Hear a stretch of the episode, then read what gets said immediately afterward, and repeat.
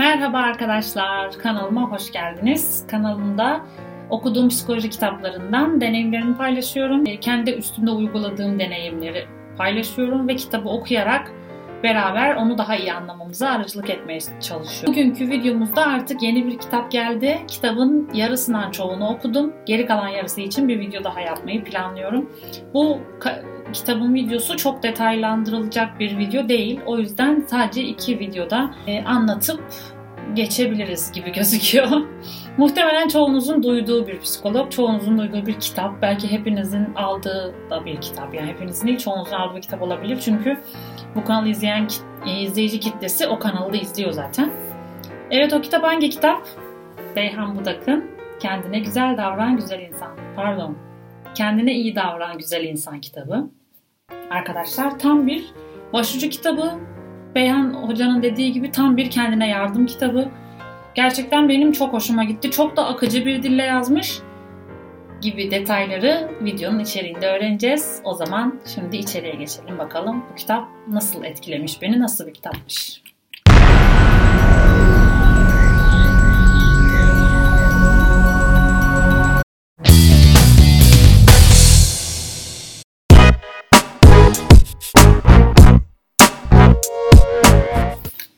Evet arkadaşlar, girişte de bahsettiğimiz gibi Beyhan Budak'ın Kendine İyi Davran Güzel İnsan kitabıyla başlıyoruz. Başlıyoruz deyip direkt giriş yapacağım. Ve evet ben direkt giriş yapacağım ama Beyhan Hoca bizim gibi direkt giriş yapmamış. İyileşme yolculuğuna başlangıç için arkadaşlar 3 ayrı başlıkta bu kitapta neler anlatacağını, nasıl bir yol izleyeceğini ve sizin bu durumda yapmanız gerekenlerin neler olduğunu anlatmış. Öncelikle değişim başlığı altında e, ruhsal yaraların ne olduğunu, e, bunların işte nasıl yola nasıl bulunabileceğini, nasıl tespit edilebileceğini anlatmış. Yani böyle aynı zamanda şey gibi kendiniz bu kitabı her eline ald, elinize aldığınızda Beyhan Budak'la yan yana gelmişsiniz ve o size yol gösteriyormuş gibi. Böyle hayat bir pencereyi açmış, o pencerenin dışından hayatın gerçeklerini, acısıyla tatlısıyla her şeyi size orada gösteriyormuş gibi bir havaya giriyorsunuz açıkçası. Ben öyle oldum. Yani başucunda duran her zaman elinizin altında duran bir kitap, dostunuz, psikoloğunuz gibi bir kitap gerçekten arkadaşlar. O yüzden kesinlikle tavsiye ed- ediyorum bu kitabı. Zaten ben ne kadar anlatsam da kendiniz okumanız, başucunuzda durması ve içindekileri yapıp uygulamanız kadar etkili değil. O yüzden buradaki her anlattığım kitap için bunu söylüyorum zaten. Kendinizin alması, okuması, deneyimlemesi çok çok farklı bir şey arkadaşlar. Şimdi kitabın içine girecek olursak değişim kısmında kendimizi hep tek başımıza değerlendirme eğilimindeyiz. Halbuki fiziken zihnen tek olsak da içimizde iki parça var. Sağlıksız ben ve sağlıklı ben olarak. Bu iki ben her insanın içinde mevcuttur. Eğer sağlıksız benin sesi daha çok çıkıyorsa, seni o yönetiyorsa diğer tarafın ezilir. Yani sağlıklı benin ezilir ve normal ihtiyaçlarını karşılayamaz diyor arkadaşlar. İşte kendine iyi davranmak, kendini merkeze almak tır yavaş yavaş ve bu bencillik değil, narsizm de değil. Her şeye hakkın olduğunu, hayatındaki olumsuzluklar için sorumluluk almadan kaçmayı da önermiyor diyor. İşte tam bu noktada e, kendine iyi davranmak öğrenilmesi, aktif olarak uygulanması gereken bir hayat felsefesi demiş. Her insan güzeldir bölümünde e, yine işte doğuştan getirdiğimiz bir malzeme olduğunu, ne yaparsak yapalım değiştiremeyeceğimiz bir anne baba genleri, akraba genleri var. İstesek de onların tamamen dışına çıkamayız. Bundan bahsediyor. Biraz da yakın çevreyle şekilleniyoruz. O çevrenin içine doğuyoruz. Oradan aldıklarımız var. Ve bunların fark ederek, bunların farkında olarak yola çıkmaya, keşfetmeye cesaretin var mı diye bir bölümü var. Burada da bütün bu şeyleri, bütün hayatındaki şeyleri bir oda gibi düşünmeni istiyorum diyor. Bu öyle bir oda ki hayatının düzenini temsil ediyor. Gereksiz eşyalar burayı kalabalıklaştırıyor diyor ve senin hareket alanını kısıtlıyor. Odanın içinde durduğun yerde bunalıyorsun. İleri geri hareket etmek istiyorsun ama yer kalmamış. Bunu ileride bardak örneğiyle daha da detaylandıracak. Şimdi bakalım senin odanda neler var? Odanı keşfetmeye hazır mısın? diyerek yavaşlamazsan sorunun kaynağını fark edemezsin. Bölümüyle aslında tam olarak kitabın içeriğine asıl burada giriş yapıyor bence arkadaşlar. Ee, burada hayat hepimiz için çok hızlı akıyor. Olaylar, ilişkiler, anılar bir an ardı ardına geliyor. Görünüşte her şey normal olsa da e, dışarıdan herkes mutlu görünüyor. Ancak herkesin en mutlu görünen, en mükemmel görünen ilişkinin, evliliğin veya işte iş ortamının bile arka planında kötü olaylar yaşanıyor, sıkıntılı şeyler yaşanıyor diyor. O yüzden sen her mutlu olduğun, mutsuzluğa düştüğünde bu hayatları görüp de onlar hep böyle diye bir düşünceye kapılma diyor. Yani çevrendeki herkesin hayatının güzel gittiğini duyuyorsun. Bir arkadaşlarına buluşmuşsun ama senin hayatında anlatacak güzel bir şeyin yok diye düşünüyorsun diyor. Mesela. Aslında e, o onlar öyle gözükse de diyor onların da arka planda yaşadıkları şey sıkıntılar olabilir ve ben hariç herkes ne kadar da mutlu düşüncesine kapılıp kendi kendi yememelisin diyor. Aslında burada öyle bir anlatıyor ki arkadaşlar. Böyle yüzünüze vura vura anlatıyor desem yedidir. Şu cümleyi okuyayım mesela. Ben hariç herkes ne kadar da mutlu.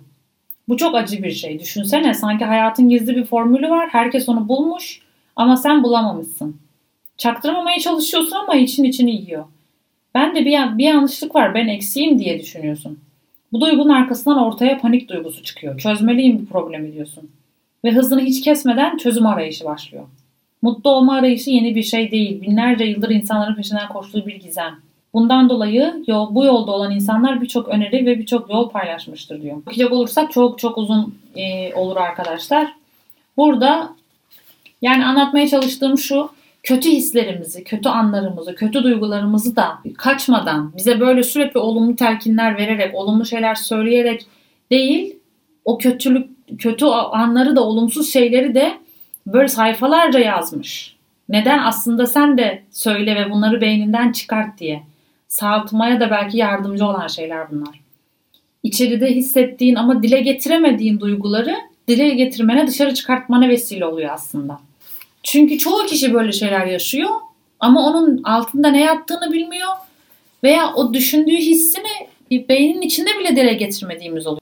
Onları dile getirmiş oluyorsun okuyarak sen de. Şimdi boş bardak e, örneği var burada. Boş bardak için e, temsili bir boş bardak olduğunu düşün diyor. Bu bu bardağın içinde evet boş bardak bölümünde şimdi hepimizin bir kapasitesi olduğunu, bazı insanların bardağının küçük olduğunu, bazı insanların büyük olduğunu anlatmış. Mizacımız nedeniyle bu bardak kapasitesi herkeste sınırlıdır. Ve bunu değiştiremeyiz. Bu bize doğuştan gelen bir şeydir diyor. Aslında ilk başta söylediği işte malzeme bellidir yani. Anneden babadan gelen, yakın çevreden gelen, çok arkadaşı, çok akrabası olan e, ve çok kardeşi olan insanların insan ilişki yönetme becerisi çok iyiyken az insan içinde büyümüş, az yakın ilişki kurmuş, az akrabası olan insanların insan ilişki becerisi daha yönetme becerisi daha kısıtlı olabilir ve sen asla öbürünün seviyesine geçemezsin. Çünkü doğuştan gelen bir malzeme var yani elimizde. Burada mesela şun, şuradan da anlayabiliriz bunu demiş. Bazı insanların başına çok kötü şeyler gelir ama bunların altından kolaylıkla kalktıklarını görürsün. Ve hiçbir zaman dünya başına yıkıldığı zaman hiç umrunda olmayan insanlar görürsün. Çok önemli olmayan bir de diyor hani çok önemli olmayan konular olduğunu düşündüğün şeyler anlatır sana birisi. Ama onun için ne kadar büyük sorunlar olduğunu görürsün bunun. Kiminin başına e, ufak da bir şey gelse o onun için çok büyük bir şeydir. Çok önemli. Yakılmıştır yani etkilenmiştir, travma yaşamıştır. Kimisi de ondan kat kat fazlasını yaşamıştır. Ama o, o kadar etkilenmemiştir. Mesela bu depremde hayatını kaybeden, evini kaybeden, işini kaybeden yığınla insan oldu. Hayatta henüz böyle bir şey karşılaşmadan sadece işini kaybettiği için intihar eden de yığınla insan var mesela. Ha, Hatay'dakiler yeniden başlıyorlar. Sıfırdan hayata başladılar. Kimisi fabrikası varken normal bir işe girip çalışmaya başladı mesela. Yani bu düşüşlerde hayata tutunma, tekrar tutunmamız gereken durumlarda aslında bu kapasitemiz ortaya çıkıyor bence. Şimdi bu bardağın diyor bazı tahliye kanalları olmalı diyor. Bu tahliye kanallarını bardak taşma noktasına gelmeden önce boşaltmak gerekiyor. Engellemek gerekiyor. Bardaktaki zehirli sıvıyı atmak gerekiyor diyor. Burada ne demek istiyor? Bardak işte ailemizle, çevresel iş arkadaşlarımızla, çevresel etkilerle vesaire doluyor. E, ve buraya sen istediğin ve istemediğin her şeyi dolduruyorsun. Eğer aslında kabul etmediğin, zorlandığın konuları da bu bardağa doldurduysan ve bunları kimseye anlatmıyorsan, sürekli içinde tutuyorsan o bardağın içindeki diğer şeyleri de etkilemeye başlıyor.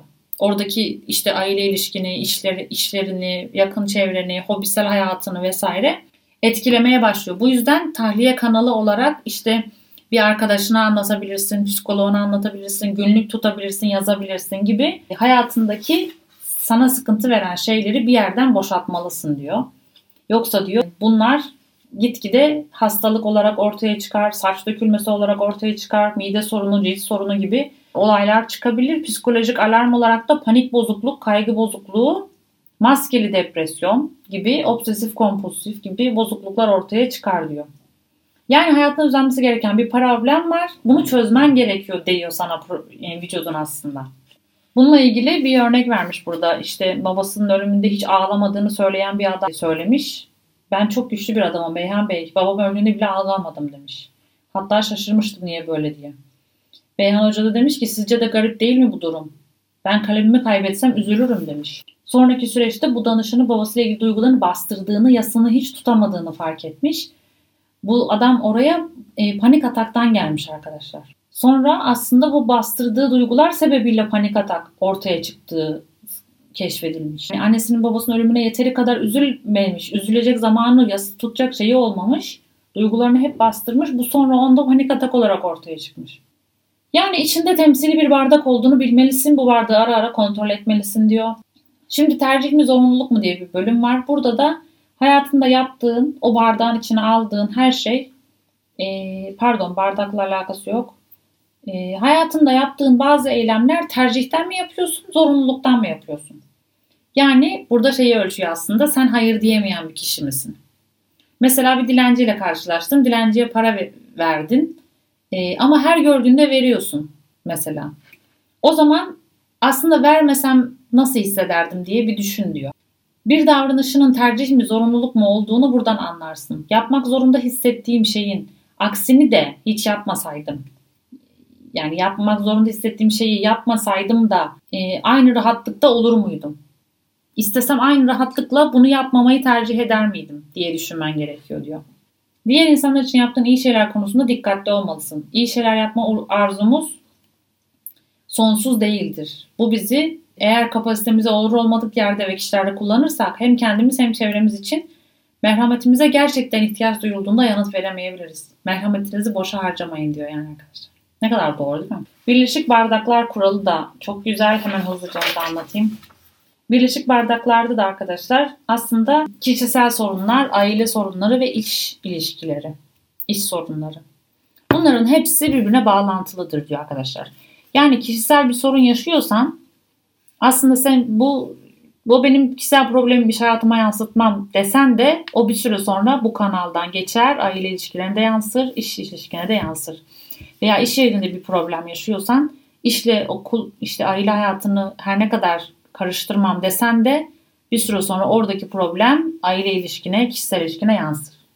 O yüzden bardaklarımızın neresinde sorun varsa bunu tespit edip e, ortaya çıkartıp çözmemiz gerektiğinden bahsediyor. Şimdi hayatında saklanmış fili bulmak.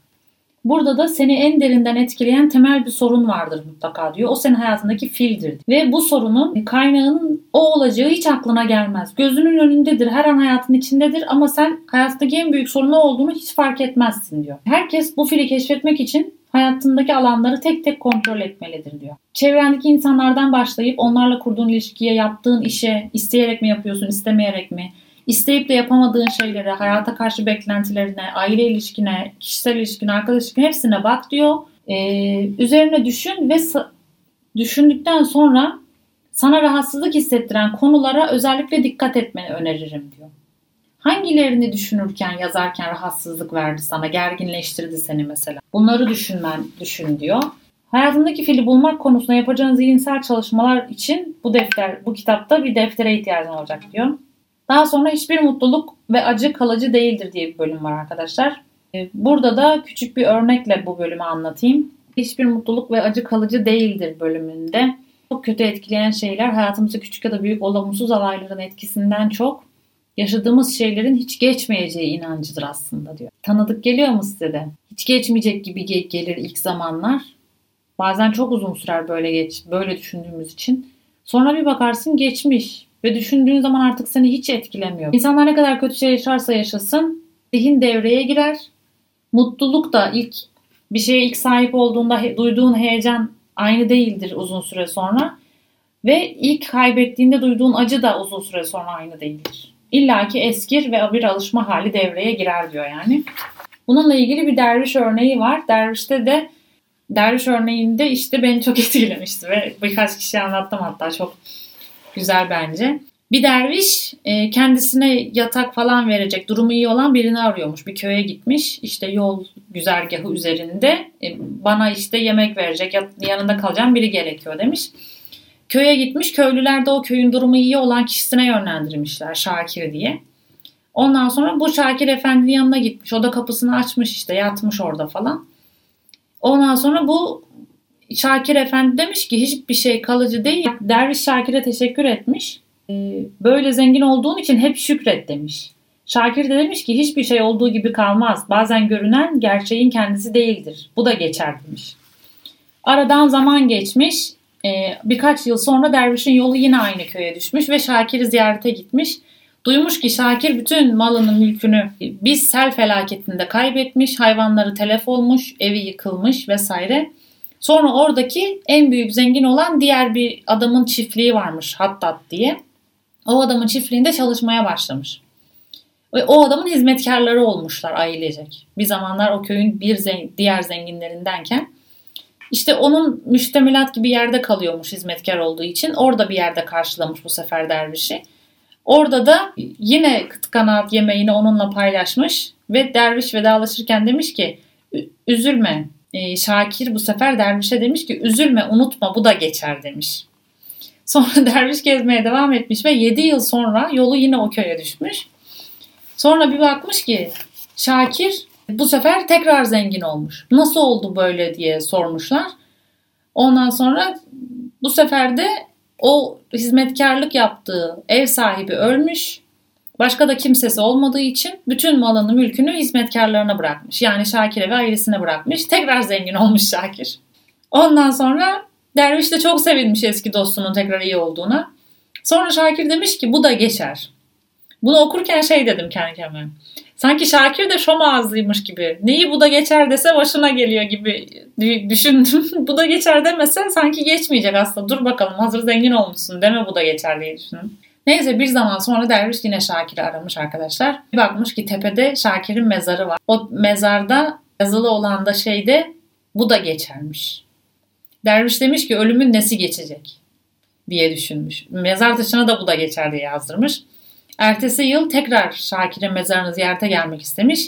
Bir bakmış ki ortada ne tepe var. Şakir ölürken bile şey bu da geçer diyerek kendi kendi yerinden oynatmış yani. Ne tepe var ne mezar. Büyük bir sel gelmiş Şakir'in mezarını almış götürmüş. Geriye hiçbir iz kalmamış. Çok ilginç değil mi arkadaşlar? O aralar işte neyse e, aynı tür sorunları tekrar tekrar yaşıyorsun. İnsan hayatta ne başına geliyorsa hep ilk defa yaşıyormuş gibi hisseder diye bölüm var. Burada da insanın işte geçmişte yaşadıklarının tekrar yaşayacağın anlamına gelmez. Olumsuz korkular, duygular yaşayacağım diye yaşamını engellememelisin. Ya kötü geçerse rezil olursam düşüncelerinin aslında senin önündeki en büyük engeller olduğunu bilsin gibi e, şeyler söylüyor. Düşünceler çöptür diye bir bölüm var. Burada da bir konuyu bir süre düşündükten sonra yeni bir çözüm yolu elde edemiyorsan şimdilik deneyebileceğin bütün yöntemleri denemişsindir. Yani onun hakkında 10 yıl pardon 10 günde düşünsen düşünerek çözemeyeceğin bir şeyse artık onu düşünmeyi bırakmalısın. Güzel bir ilişkin olmasını istiyorsun ancak buna rağmen kafana uyan biriyle karşılaşamadığın için şu an için yalnızsın. Bu konuda yapabilecek şeyleri çok da uzun olmayan bir zaman içinde düşünebilirsin. Yapacağın şey sadece hayatına devam etmektir.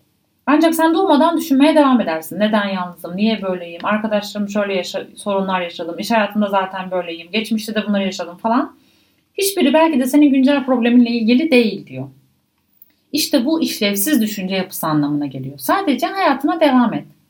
Niye böyle niye böyle falan düşünmenin hiç kimseye hiçbir faydası yok diyor. Yani. İşlevsel olan düşünce sorun ortaya çıktığında ya da sorunla ilgili yeni bir gelişme olduğunda ilk zamanlardaki çözüm odaklı düşüncelerdir.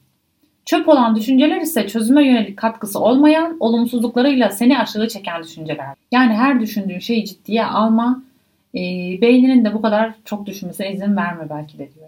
Ben bazen çok karamsar düşünce erkek arkadaşım bana şey sen bazen düşünme ya. Hiç düşünme bazen. Düşünmeye başladın, planlamaları yaptın, harekete hazırsın. Böyle bir noktada harekete geçersen düşüncelerin, eylemlerin temelini oluşturur. Ancak sen düşünmeye başladın, planlama yaptın, bir daha düşünmeye başladın, bir daha düşünmeye başladın. Planlamalar sonrası ya aksilik çıkarsa diye evresine geçiyoruz ya, ya şöyle olursa ya böyle olursa falan. Bu bir kısır döngüye dönüşür. Bu sefer her ayrıntı gözünde büyümeye başlar.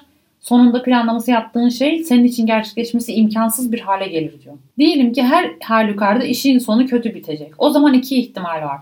Ya şu an keyfini çıkarırsın, problemle karşılaşınca üzülürsün. Ya da şu anla da mahvedersin, problemle karşılaşınca tekrar üzülürsün. Bir ihtimal de olsa keyif çıkarmayı neden karşılık denemeyelim. Aşırı duygusallıktan nasıl kurtulabilirsin diye bir bölüm var. Burada da e, örnek olarak mesela hiç duyguların duygula, duyguların olması aslında güzel bir şey diyor. Duygusallıktan kastedilen şey bazı durumlarında duyguları yoğun bir şekilde hissetmekse bunu bunu engellemenin bir yolu yok. Çünkü insan olmanın en heyecan taraflarına bir duygu yaşıyor olmaktır. Düşünsene hiç neşelenmediğini, hayranlıkla bir manzaraya bakmadığını, sana zarar verecek şeylerden korkmadığını, yani hiçbir haksızlık karşısında öfke hissetmediğini, hiçbir şeye şaşırmadığını, duygusuzluk yani böyle bir hayat nasıl olurdu? Aşırı duygusal olmanın karşıtı duyguları tamamen hayattan çıkarıp aşırı mantıklı olmak değildir. Duyguları hayattan çıkarman mümkün değil.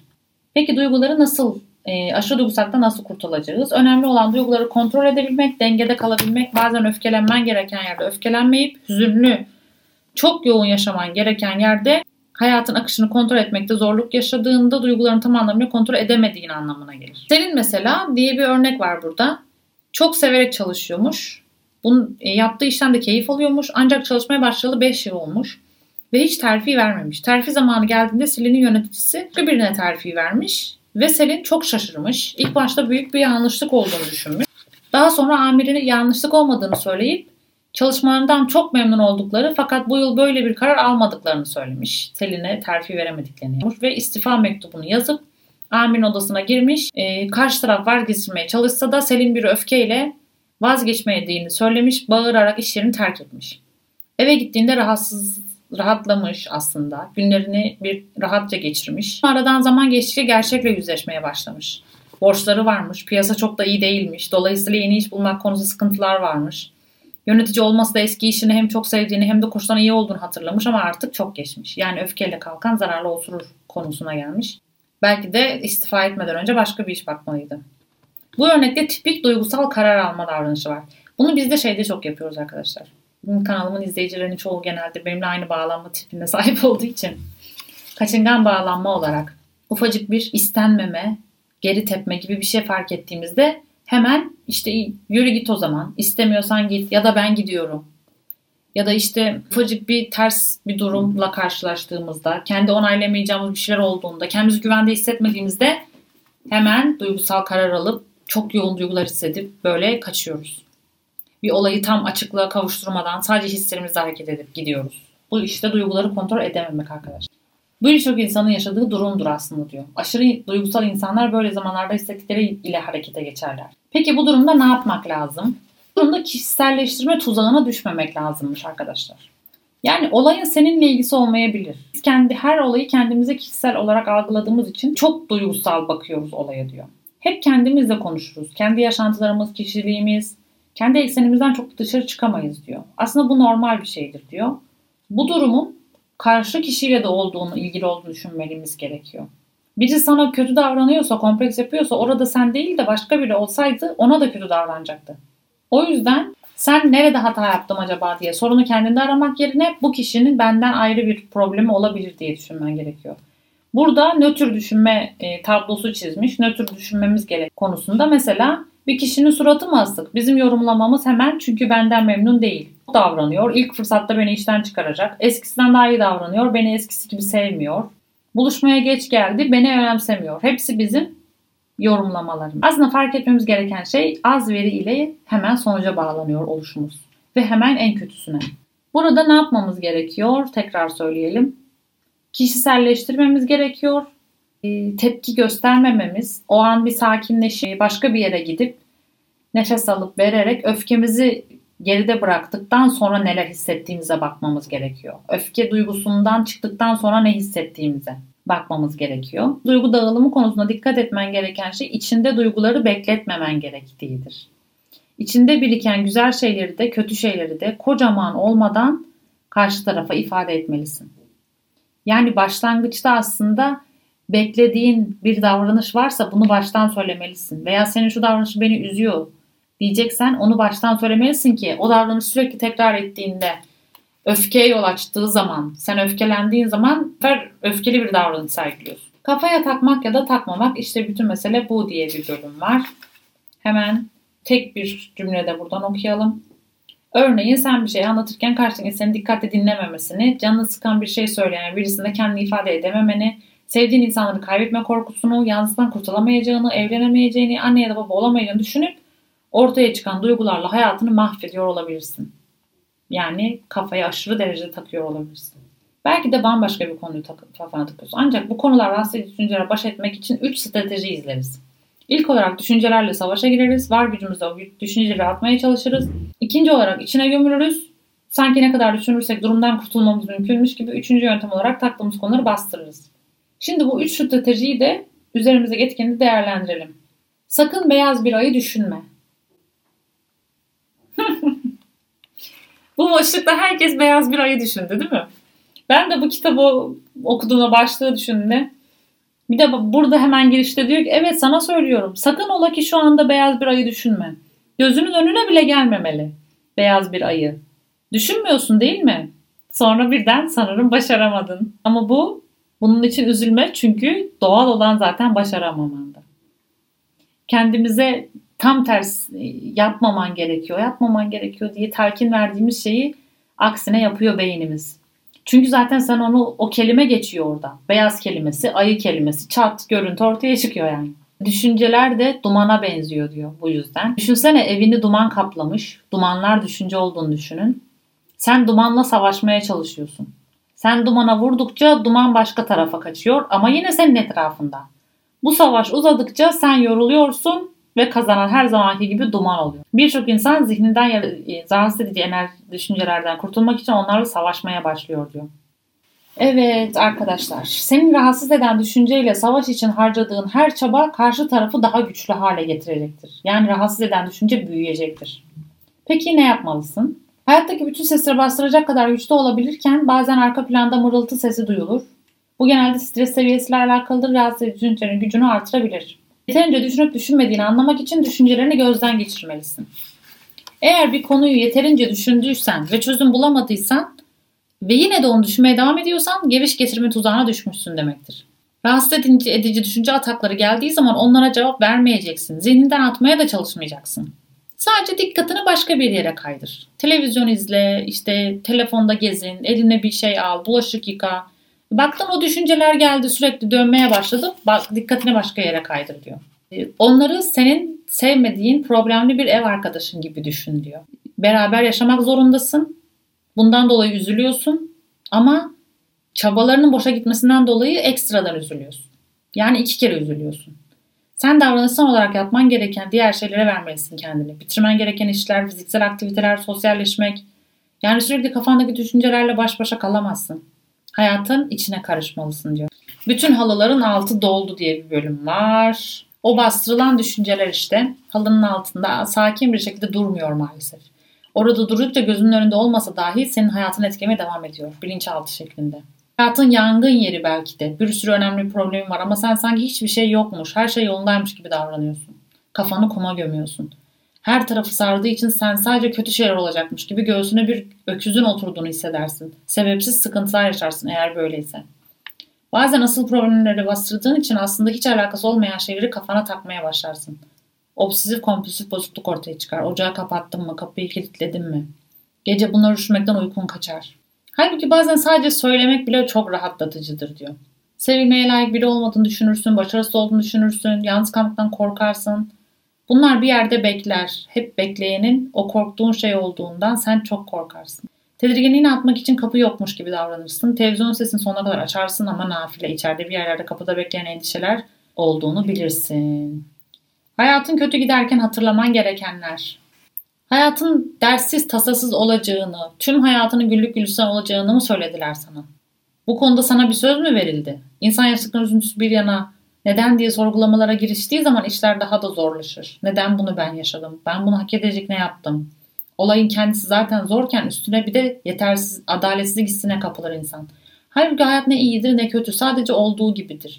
Olaylar tek başına anlamsızdır. Onları olumlu ya da olumsuz hale getiren bizlerizdir. Vay anasını.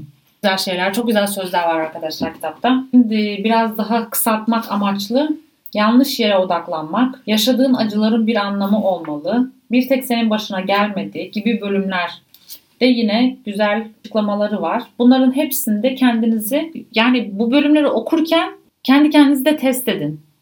Ve dediği gibi bir defter alarak dedikleri şeyleri yazarak yaparak daha da uygulamalı şekilde kendi kendinizi terapi uygulama yöntemi bulmuş oluyorsunuz.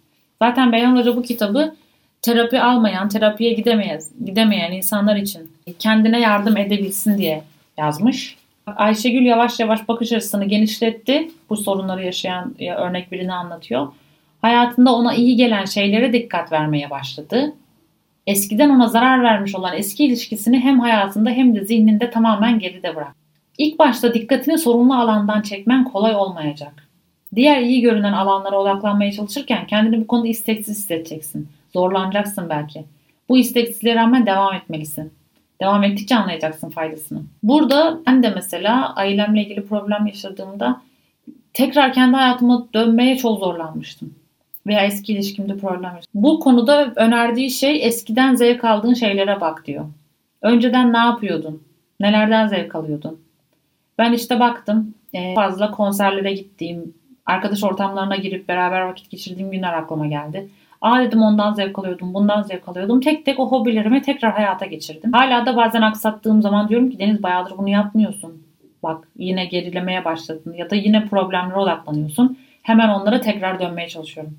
Eğer bunu bulamıyorsanız geçmişte neyden mutlu olduğunuza bakıp bulabilirsiniz diyor. Bu yaşadığın acıların bir anlamı olmalı bölümünde de e, insanın pişme sürecinden bahsediyor. Çok önemli şeyler var yine hep altını çizmiş. E, kendini bir çaydanlık gibi düşün ve çaydanlık nasıl kaynamadan demlenmiyor?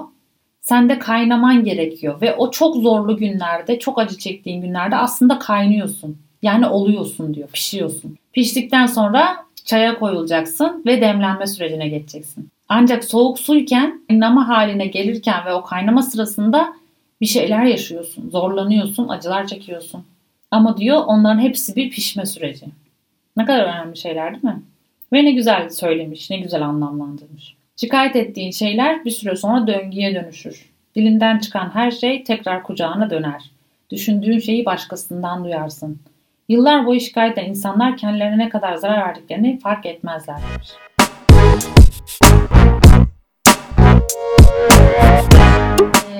İkinci bölümde melek olsan kanat sesinden rahatsız olacaklar diye başlıyor. Burada da çevrene kendini kanıtlamaya çalışma. Hiç kimse altın tepsiyle istediklerini vermeyecek veya senin yaptıklarından herkes memnun olmayacak. Herkes seni alkışlamayacak. Bunlara hazırlıklı ol diyor. Bu yüzden sana iyi gelmeyen eleştirileri bırakıp sana iyi gelen eleştirileri kabul etmelisin. Peki iyi niyetli eleştiriyi nasıl tanırsın? Şuradan tanırmışız arkadaşlar. Ben de bilmiyordum. Bunu özellikle not aldım. Eğer birisi seni sadece eleştiriyorsa, hakaret ediyorsa veya küçümsüyorsa yani gerek var ki bunu yaptın. E, fazla tutunamazsın işte sürmez. Aa bir sürü borcun altına gireceksin vallahi sıkıntı falan. Sürekli seni o işi yapmamaya yöneltiyorsa o iyi niyetli bir eleştiri değilmiş. Ama sana alternatif çözüm sunuyorsa ha biraz sıkıntılı gibi hani büyük borcun altına giriyorsun bak emin misin?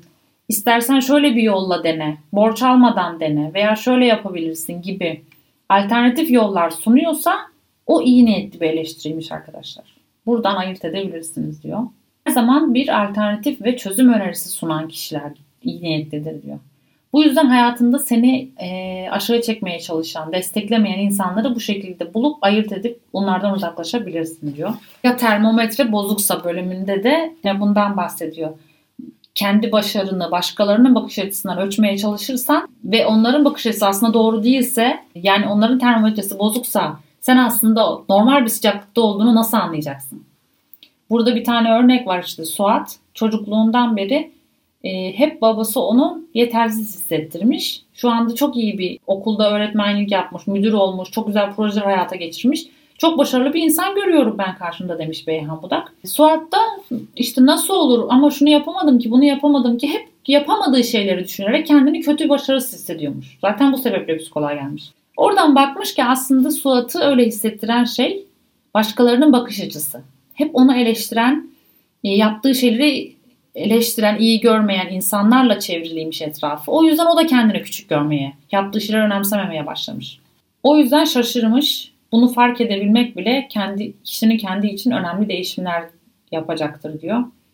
Yani senin güvendiğin o çevrendeki insanların termometresi bazen bozuk olabilir. Sen sadece kendi termometrene güvenmelisin. Yaptığın şeylerden, başarından e, kendi termometrenle ölçmelisin. İyi bir noktada mıyım? İyi bir noktadayım. İyi, mutlu muyum? Mutluyum. Başarı getirdi mi bu bana? Getirdi gibi. Herkesin seni sevmesine gerek yok. E, bölümü de herkesin seni sevmesini beklersen seni sevenlerle yetinemezsin. Çünkü çoğu zaman seni sevenler dikkatini çekmez. Hep yeni birine kendini çevirmeye çalışırsın diye bir bölüm var. Gözlerini seni sevmeyenlere değil sevenlere çevir. Burada da yine önemli şeyler vardı arkadaşlar. Ama çok fazla detaya girmek istemiyorum. Çok önemli bir bölüm var. Şimdi bunu da söyleyerek kapatacağım. Zaten yeterince videomuz da olmuş. Evet arkadaşlar. Şimdi bu hasta yerine kimseyi almamalısın bölümüyle bitiriyorum. Ben senin kendi küçük alanın, her şeylerini, en, en özel şeylerini barındırdığın, sana iyi gelen e, işin olsun, hobin olsun, etkinliklerin olsun gibi alanlar. Her insanın içinde bir yerlerde temsili olarak bir ana merkez vardır. Bu merkezde sana dair önemli bilgiler, güçlü ve zayıf yanların vardır. Yani bu hasta yerine birini alırsan, yani hayatının merkezine birini koyarsan o kişiyle ilgili her türlü olayda çok etkilenirsin. Çünkü o hasta irendedir. Burada şimdi bakın hasta iren. Bunu ben çok önceden aslında bir enerji çalışmasında da görmüştüm. Kendini koruduğun bir enerji alanı, en yakınlarını koruduğun bir enerji alanı ve de bu diğer insanlar. Onlardan hani enerji alanlarını koru, kendinizi korumanız için diye anlatılıyordu. Burada da Beyhan Hoca bu şekilde anlatmış. En yakınların hasta yerinin bir dışında olanlar ona hasta yerine en yakın kişiler ama yine de esas merkezde değiller. Onun dışında arkadaşların, onun da dışında mecburen iletişimde oldukların işte iş arkadaşların olur, akrabaların, komşuların vesaire olur. Onun dışında hiç görüşmediklerin. Muhtemelen işte Instagram sayfandakiler, Twitter'ındakiler. Sağda solda senin hakkında konuşan, duyum yapan, belki küstüğün, artık konuşmadığın insanlar. Yani biraz daha uzaktakiler. Şimdi burada hasta İrende annen, baban, kardeşin sana birinci dereceden bakım veren kişiler seni destekliyorsa, şefkat gösteriyorsa hasta yerine alabilirsin diyor. Ama bu kişiler sana desteklemiyorsa, şefkat göstermiyorsa ve senin hayattaki isteklerine karşı e, seni biraz geriye çekiyorlarsa hasta yerine almamalısın diyor. Çünkü senin geleceğe bakış açını ve adım atmanı engeller. An, e, sana kötü davranıyorlarsa zarar görmeye başlarsın. Çünkü ana merkez zarar görmeye başlar. Bu çok önemli arkadaşlar. Ben bununla çoğu şeyimi kurtardım desem yeridir yani. Ablamın da bir deyimi vardı. O da çok iyi gelmişti bana. Hayatına aldığın kişiyi önüne koyma demişti. Gözünün önüne değil, yanına koy. Ne kadar doğru bir şey aslında. Ben hep önüme koyuyormuşum. O yüzden o kişiyle ilgili bir yanlış gördüğümde çok etkileniyordum. Ayrıldığımda çok etkileniyordum. Çünkü hep hasta yerime alıyordum. Güçlü, zayıf yanlarım, hayattaki amaçlarım, beklentilerim, her şeyim ona göre şekilleniyordu. Çok şükür biraz kurtuldum bu olaydan yani arkadaşlar. Bayağı bir kurtulmuşum aslında. Şimdi bayağı bir o konuda iyiyim. Herkes de iyi olsun diye uğraşıyorum bu kanalda. Yanına aldığını düşündüğünde o sadece yani benim hayatım sürdürebildiğim bir hayatım zaten var. Mutlu olduğum bir sürü kaynak var. Ve o kişi de benim buna eşlik etsin diye yanımda olan bir kişi diye baktığında gerçekten çok daha az etkileniyorsun bazı şeylerden. Bunu çok net yaşayıp gördüm yani arkadaşlar. Burada da Beyhan Hoca bunu söylüyor. Yani sana kötü hissettiren insanları bir tık dışarıda tut, iyi hissettiren ve iyi gelenleri hasta dairene yakın tut. Dışarıda seni hiç tanımayan, insanın sana söylediği herhangi bir can sıkıcı söz geçicidir. Çok da etkilemez seni değil mi diyor. Çünkü halkaların en dışındadır. Seni etkileme gücü çok düşüktür. Ama diyor hasta yerende olan birisi sana kötü bir söz söylediğinde, yıkıcı bir eleştiri yaptığında çok yıkılırsın, çok etkilenirsin diyor. İşte bir ara benim demek ki ailem de o hasta yerindeymiş ki onların söylediği sözden, şeyden çok etkileniyordum. Bütün aile üyelerim yani. Eğer diyor yine çok hasta yerine en yakın aileni alırsan ve onlar sana olumsuz şey söylerse etkileme gücü çok daha fazladır. Ama onları bir tık dışarıda tutarsan seni artık eskisi gibi etkileyemezler diyor. Gerçekten öyle. Bunu yaşamış biri olarak söylüyorum arkadaşlar. Seni üzen, iyi niyetli bulmadığın insanları dış halkalara doğru uzaklaştırmalısın. Ve en sonunda tamamen hayatından çıkartmalısın. Hayatından çıkartma konusunda çok iyiyim. Pat diye öyle çıkartabiliyorum. Böyle yavaş yavaş elim ayağımı çekip de çıkartabiliyorum. Özellikle arkadaş konusunda gerçekten zamanla aynı değeri vermeyen, e, beni önemsemediğini fark ettiğim, benim onu koyduğum yerde onun beni koymadığını fark ettiğim kişileri tek tek hayatımdan çıkarttım. Çıkartmaya da devam ediyorum yani. Sana verecek, zarar verecek insanları merkeze alırsan bu durum seni ciddi anlamda üzebilir, travmatize bile edebilir diyor. Ve evet travmatize ediyor gerçekten arkadaşlar. Hasta giren çok korunaklı bir alan gibidir. Birisinin oraya girmesi için ona gerçekten güvenmen, iyi olarak kabul etmenden geçer. Eğer sana zarar veren birine dönüşürse sen bundan çok etkilenmemenin sebebi, çok etkilenmenin sebebi zihnin o kişiyi güvenilir olarak algıladığı içindir. O kişinin yaptıklarına karşı savunmaya geçmezsin. Bazen kendini suçlarsın daha çok. İşte bu narsistle olan ilişkide hep narsist hayatın merkezine alıp e, gittiği zaman kendimizi çok suçlamamızın sebebi de o aslında. Çünkü narsist bir şekilde virüs gibi senin hayatının o merkezine giriyor zaten gerçekten sızıyor bir bakıyorsun gittiği zaman çok etkileniyorsun. Kendini suçlamaya başlıyorsun. Aslında o senin hayatına çok fazla nüfus ettiği için bu kadar etkileniyorsun. Kendinize depresyon ya da itibar kaybı teşhisi koymadan önce çevrenizdekinin aşağılık insanlar olmadığından emin olun. Sözünü alıntı olarak eklemiş. Zehirli insanlar ve kullandıkları yöntemler. Evet arkadaşlar kitabın şimdi yarısına geldiğimiz için bu kısmı ikinci videoya bırakıyorum. Bu bölümde de aslında çok önemli konular var yine duygusal dengesizlik, manipülasyon, kendini ispatlama gibi büyük hep böyle diğer videolarda bahsedip bunların hangi şemalar olduğuna bahsettiğimiz konular var. Daha sonra bitireceğiz inşallah. Bakalım kısmet. böyle arkadaşlar. Umarım video keyifli geçmiştir. Biraz uzun oldu ama benim kanalımda izleyiciler uzun videoları seviyor. Bakıyorum eski videolara. En çok izlenen videolar uzun videolar. 50 dakikalık videom vardı bir tane. En çok o izlenmiş mesela ilginç bir şekilde.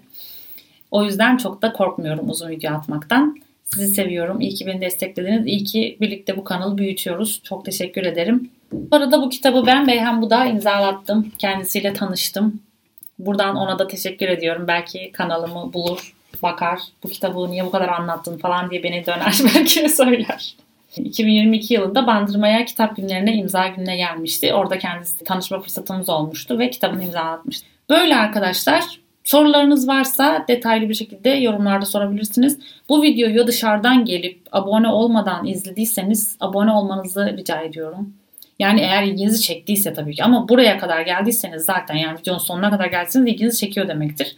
Bütün video içeriklerim bu şekilde. Ee, benzer şekilde ilginizi çeken kitap, psikoloji kitapları ve bu şekilde anlatım ilginizi çekiyorsa bütün videolarım bu şekilde. Ee, eğer destek olmak isterseniz abone olabilirsiniz arkadaşlar. Kanalımın çünkü izleyicileri arasında %75'i dışarıdan gelen ve abone olmayan kullanıcılar olduğu gözüküyor. Ve izleme oranlarım da gayet e, sonradan artıyor. Böyle ilk başta az gibi görünüyor. Sonradan artıyor oranlar. Aslında o artanlar iz kanalı oyunu abone olmayan kullanıcılarmış. Neyse siz bilirsiniz arkadaşlar. Tabii ki sizin tercihiniz. Ben hatırlatmak için söyledim. Evet çok teşekkür ederim tekrar. Kendinize iyi bakın. E, bir sonraki videoda görüşmek üzere. Çok geciktirmeyeceğim. İkinci videoda haftaya gelecek inşallah. Hoşçakalın. Thank you.